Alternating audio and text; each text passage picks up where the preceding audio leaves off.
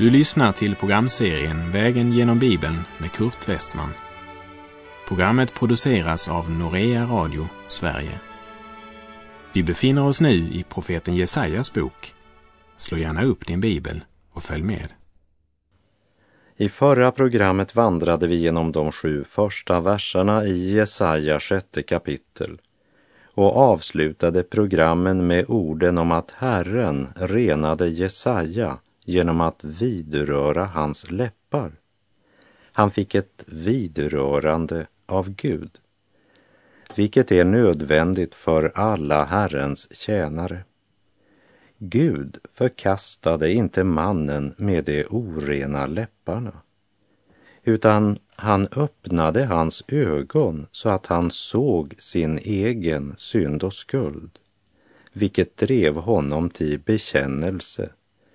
Ve mig, jag förgås, ty jag är en man med orena läppar. Han blev vidrörd av det glödande kolet från brännofferaltaret och de renade läpparna talar om ett renat hjärta, för vad hjärtat är fullt av, det talar munnen. Också i det nya testamentet möter vi en man som sett sin orenhet och förtvivlat ropar Ja, arma människa, vem ska frälsa mig från denna dödens kropp? Som Paulus säger i Romarbrevet 7.24. Och det är inte innan Paulus blivit omvänd han säger det, men som en helig Herrens tjänare som håller på att lära den gudomliga sanningen att han behöver vandra i anden eftersom han inte i egen kraft kan leva och vandra med Gud. Människan måste få se sig själv sådan hon verkligen är i Guds ljus och inse sin oförmåga att i sig själv kunna behaga Gud. Och när hon inser det så är det människans ansvar att bekänna sin synd. Det är den praktiska konsekvensen. För tron måste alltid få en praktisk tillämpning i vårt liv.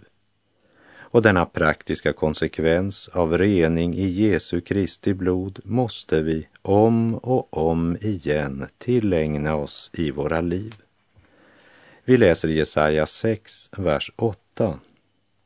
Och jag hörde Herrens röst. Han sade, vem ska jag sända och vem vill vara vår budbärare? Då sade jag, här är jag, sänd mig. För mig personligen så är Jesaja kapitel 1 och Jesaja kapitel 6 två av de centralaste kapitlen i mitt liv. Kristus kom in i mitt liv när jag var 19-20 år gammal. Jag hade nog i barnaåren gått några gånger på söndagsskola. Men om det fanns någon Gud så var han i alla fall ingenting för mig.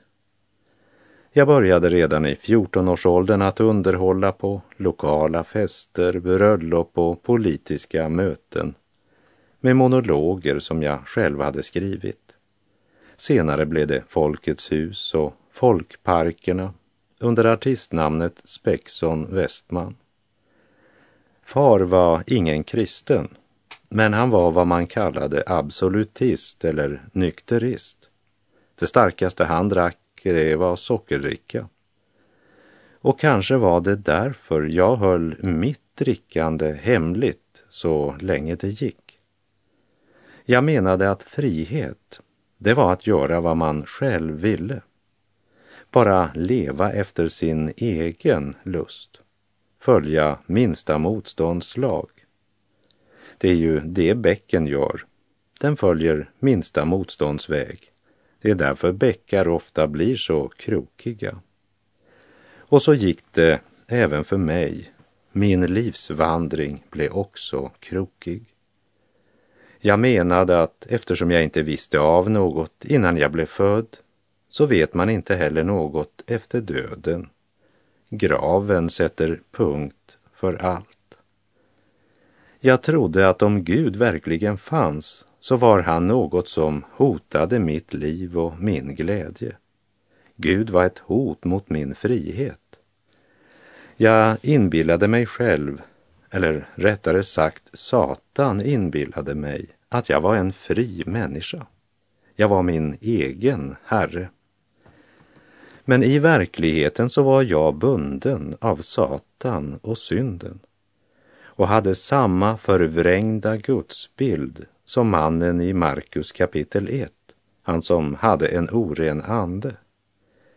För när Jesus närmar sig honom så säger han, vad har vi med dig att göra, Jesus från Nasaret?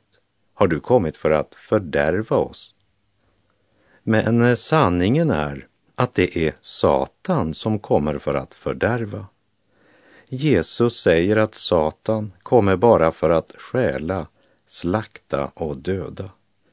Men Jesus har kommit för att du ska ha liv, ja, liv i överflöd. Jag hävdade länge att Bibeln var en bok full av sagor, men själv hade jag inte läst den. Vad skulle jag, moderna människa, med en så gammal bok? Jag som levde i en ny tid. Men avfallet från Gud och synd och omoral är inte något nytt. Även om Satan tydligen lyckas inbilla varje ny generation att det är något nytt som sker nu. Men det som världens barn karaktäriserar som den moderna människan är i verkligheten inget annat än det som Bibeln kallar för den gamla människan. Under dagens hektiska timmar och tillsammans med vänner på fest levde jag för ögonblicket och förträngde evigheten. Och när nattens ensamhet kom förjagade jag stillheten med hjälp av musik på högt volym. Och hade det funnits bärbara musikmaskiner då jag var ung hade jag kanske lyckats fly undan Gud hela mitt liv. Men det kom ett ögonblick då jag varken hade människor eller överdövande musik omkring mig. Stunder av tystnad och ensamhet då jag blev tvungen att tänka. Och för att göra en lång historia kort så började jag ana att graven inte var det sista utan bara en inkörsport till evigheten. Och jag förstod att jag vandrade på den breda vägen. Jag var på väg mot evig undergång, bunden av syndens makt. Jag anade att det fanns en Gud och jag förstod att han nu närmade sig just mig. Men som jag nämnde, min gudsbild, den var helt förvriden på grund av synden. Tänk vad synden förblindar. Jag trodde att Gud skulle ödelägga mitt liv och min lycka. Vilken lycka? Jag var ju en olycklig människa. Jag trodde att Gud skulle beröva mig min frihet. Vilken frihet? Jag var ju syndens träl. Jag kände ångest inför döden och eftersom den ångesten kom efter att jag började fundera på det här med Gud så gav jag Gud skulden för ångesten. Och jag menade att om jag nu bara kunde bli kvitt Gud och sluta tänka på det där med religion, då skulle jag också bli kvitt ångesten. Men det är inte Guds fruktan som skapar ångest. Det är synden som är själva roten till ångesten. Men den som lånar sitt öra och sitt öga till mörkrets förste får en helt förvriden gudsbild och inbillar sig att om Gud kommer in i mitt liv, då förlorar jag allt. Och så säger man till Gud eller till det troendes församling, låt mig vara. Jag vill inte ha med församlingen att göra. Jag vet hur det är med det religiösa. Lämna mig i fred.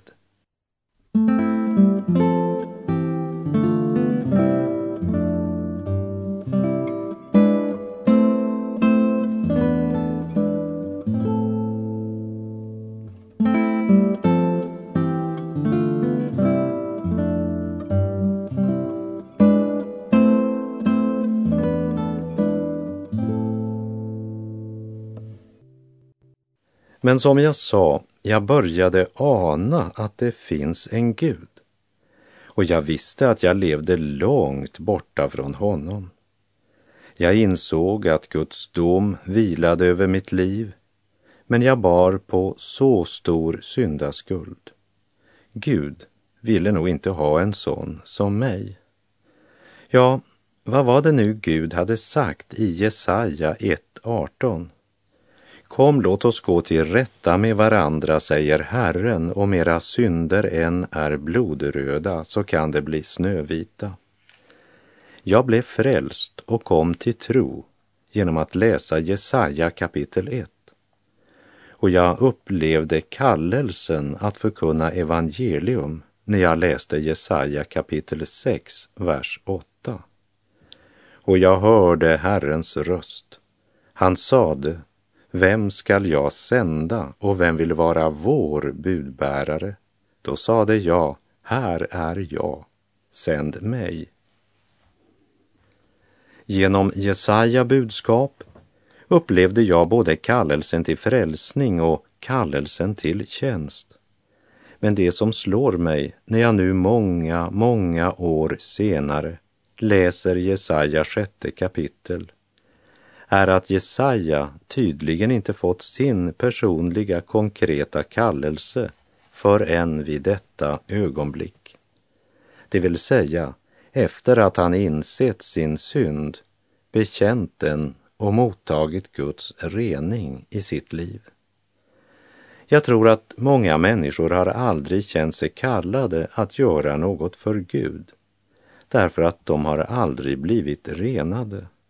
De har aldrig insett sitt stora behov för personlig rening. Gud kommer inte att använda ett kärl som är fyllt med smuts. Det ska vi ha klart för oss. Visst kan Gud välsigna sitt ord, även när det förmedlas av en människa som lever i synd. Men Gud kommer att hålla dom över deras synd när tiden är inne. Det är mer än en som började som en Herrens tjänare och hade Guds välsignelse över sitt liv. Men så kom synden åter in i deras liv och efter längre eller kortare tid föll Guds dom över deras liv. Jesaja hörde Herrens kallelse. Vem ska jag sända och vem vill vara vår budbärare? Jag behöver väl knappast göra dig uppmärksam på att i denna vers har vi både singular och plural som än en gång talar om den treenige Gud. Och Jesaja svarar, här är jag, sänd mig. Det är första gången Jesaja hör Guds kallelse och han svarar så som en renad och upprättad person svarar. Det är allt för många som idag tillfrågas om att göra något i församlingen, men som istället först borde bli vidrörda av Gud, renade och upprättade. Komma in i Guds ljus med sina liv, verkligen göra upp med både Gud och människor. Vi behöver alla vidröras av Guds glödande, levande kol. Vi behöver bekänna synderna i vårt liv, för innan det sker kommer vår tjänst för Herren att vara utan någon verklig frukt och vi själva bara frustrerade och utslitna. Man blir inte utsliten av att vandra i de gärningar som Gud har lagt färdiga för oss, utan det inspirerar och sätter våra hjärtan i brand som Åge Samuelsson skrev i sin sång. Igår, idag till evig tid den samma Jesus är. Han hjälper var och en som är i nöd. Ett sårat och ett sönderkrossat hjärta är han när. Han väcker själen upp från syndens död. De hungriga han mättar och den svage kraften får missmodiga nu sjunger segersång. De blinda ser, de lama går och döva hörseln får. Det bryter ut i jubel gång på gång. Guds nådegåvor delas ut till den som intet har. De njuter frukten ifrån Kanans land. Från helgedomen oljan flyter till det tomma kärl och elden sätter hjärtat ditt i brand. Och jag hörde Herrens röst. Han sade, vem ska jag sända och vem vill vara vår budbärare? Då sade jag, här är jag, sänd mig.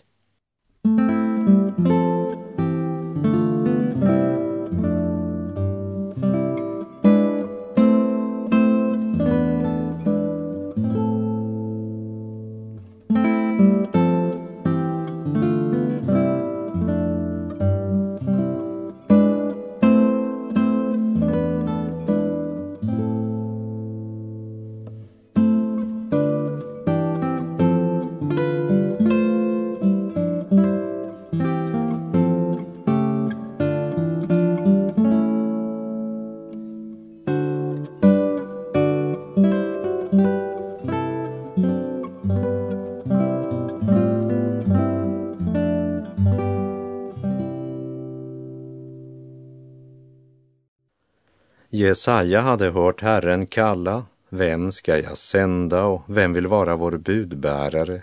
Och han hade svarat, här är jag, sänd mig. Nu ska vi lägga märke till vad som är Jesaja uppdrag. Vi läser Jesaja 6, vers 9. Han sade, gå och säg till detta folk, ni skall höra och höra men inte förstå och ni ska se och se men inte begripa. Det är ett konstigt budskap Jesaja får att förkunna, eller hur? Och vi läser vers 10. Förhärda detta folks hjärta, gör deras öron döva och deras ögon blinda, så att de inte ser med sina ögon, hör med sina öron eller förstår med sitt hjärta och vänder om och blir helade. Här ska vi ha klart för oss att det handlar inte om att Gud skulle hindra en verklig sökare från att finna. Inte heller handlar det om att Gud skulle göra en ömsint och varmhjärtad människa hård och kärlekslös. Men i det här sammanhanget så är förhärda ett åskådliggörande ord som kan betyda att binda med ett rep, att pressa samman. Gud kommer att lägga press på dessa människors hjärtan så att det som finns dolt i deras hjärtan ska bli synligt. Vi kan säga att Gud pressar människorna att handla så som de i sitt hjärta önskade handla. Gud förblindar inte ögonen på den som verkligen önskar se. Men det handlar om det som är konsekvensen av att vända Gud ryggen. För utan Guds ingripande kan människan varken se eller förstå. Endast en gudsbespottare kan säga att Gud förhärdar eller förblindar. Jesaja uppdrag var att förkunna ljusets budskap för folket. Och när ljuset kommer så avslöjar det också hur blind någon är. I ett rum som är kolmörkt är det ingen skillnad på den som ser och den som är blind. Och Jesus själv förklarar det med dessa ord i Matteus 13, vers 14 och 15. På dem uppfylls Jesajas profetia. Även om ni hör skall ni inte förstå och även om ni ser skall ni inte se. Ty detta folks hjärta är förstockat. Det hör illa med sina öron och det sluter sina ögon så att de inte ser med ögonen eller hör med öronen eller förstår med hjärtat och vänder om så att jag får bota dem. Det ljus som vi normalt gläder oss över kan upplevas som något förfärligt om vi varit länge i mörker. Jag minns en händelse från den tid jag gick i småskolan. Vinternatten kunde sannerligen vara mörk i Västerbotten. Och där jag låg i mitt kolmörka rum kommer plötsligt mor in och tänder lampan i taket. Och de två 60-wattslamporna gör mitt rum så ljust att jag känner smärta i ögonen och skriker i ilska Släck ljuset, släck ljuset.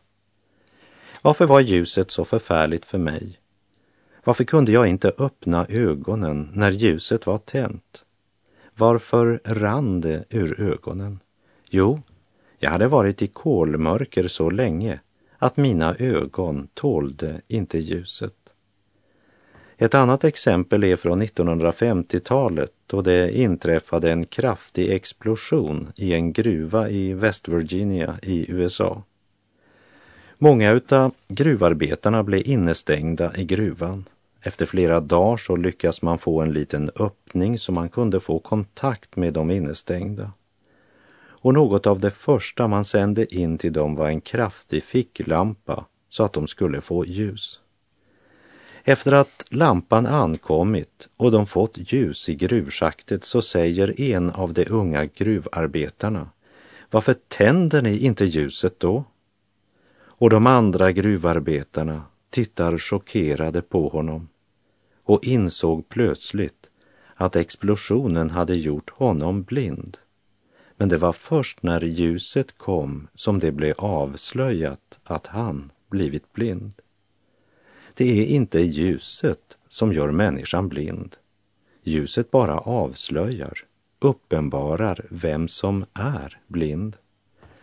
Paulus skriver i Andra Korinthierbrevet 4, vers 3 och 4.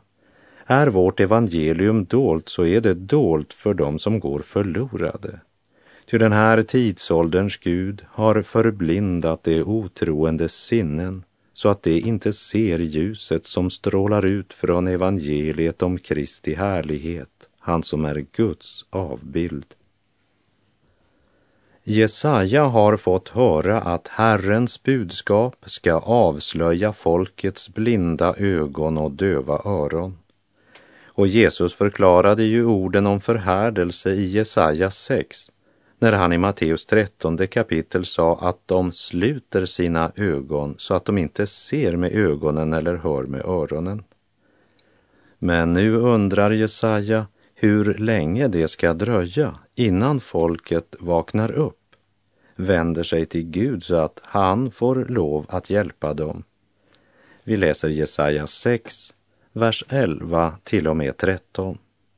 Då frågade jag hur länge, Herre, han svarade, till dess städerna blir öde och ingen bor i dem. Husen blir utan folk och landet ligger öde och övergivet. Herren ska sända folket långt bort och ödsligheten ska bli stor i landet. När bara en tiondel är kvar i det ska även den ödeläggas som en terebint eller en ek av vilken en stubbe lämnas kvar när den fälls den stubben ska vara en helig säd. När en nation och ett folk förkastar Gud så blir vart steg de tar ett steg närmare Guds straffdom. Och uppdraget som Jesaja fick och det budskap han proklamerade blev en mäktig profetia om Israels barns kommande historia. Det är skrämmande att tänka på alla de teologer som hävdar att i det nya förbundet så är vi trons folk, det nya Israel. Men ändå aldrig predikar om det ansvar som följer med att vara Herrens heliga, som Petrus skriver i sitt första brevs fjärde kapitel. Ty tiden är inne för domen och den börjar med Guds hus. Jesaja budskap är en vändpunkt i Israels historia. Israels barn har bedragit sig själva, men Gud bedrar dem inte. Det de har sått, det måste de förr eller senare skörda. Och nu ska Gud sända sitt ljus genom profeten Jesaja och därmed ska folkets förblindelse bli uppenbar. Och eftersom de inte vill vända om kommer de att föras bort i fångenskap. Inte heller den här gången gav synden vad den hade lovat. Paulus skriver till de troende i Korint i Andra Korinterbrevets andra kapitel. Men vi tackar Gud som alltid för oss fram i Kristi segertåg och genom oss överallt sprider sin kunskaps väldoft, ty vi är en Kristi rökelse inför Gud, bland dem som blir frälsta och bland dem som blir förtappade. För det senare en doft av död till död, för det förra en doft av liv till liv. Vem räcker väl till för detta?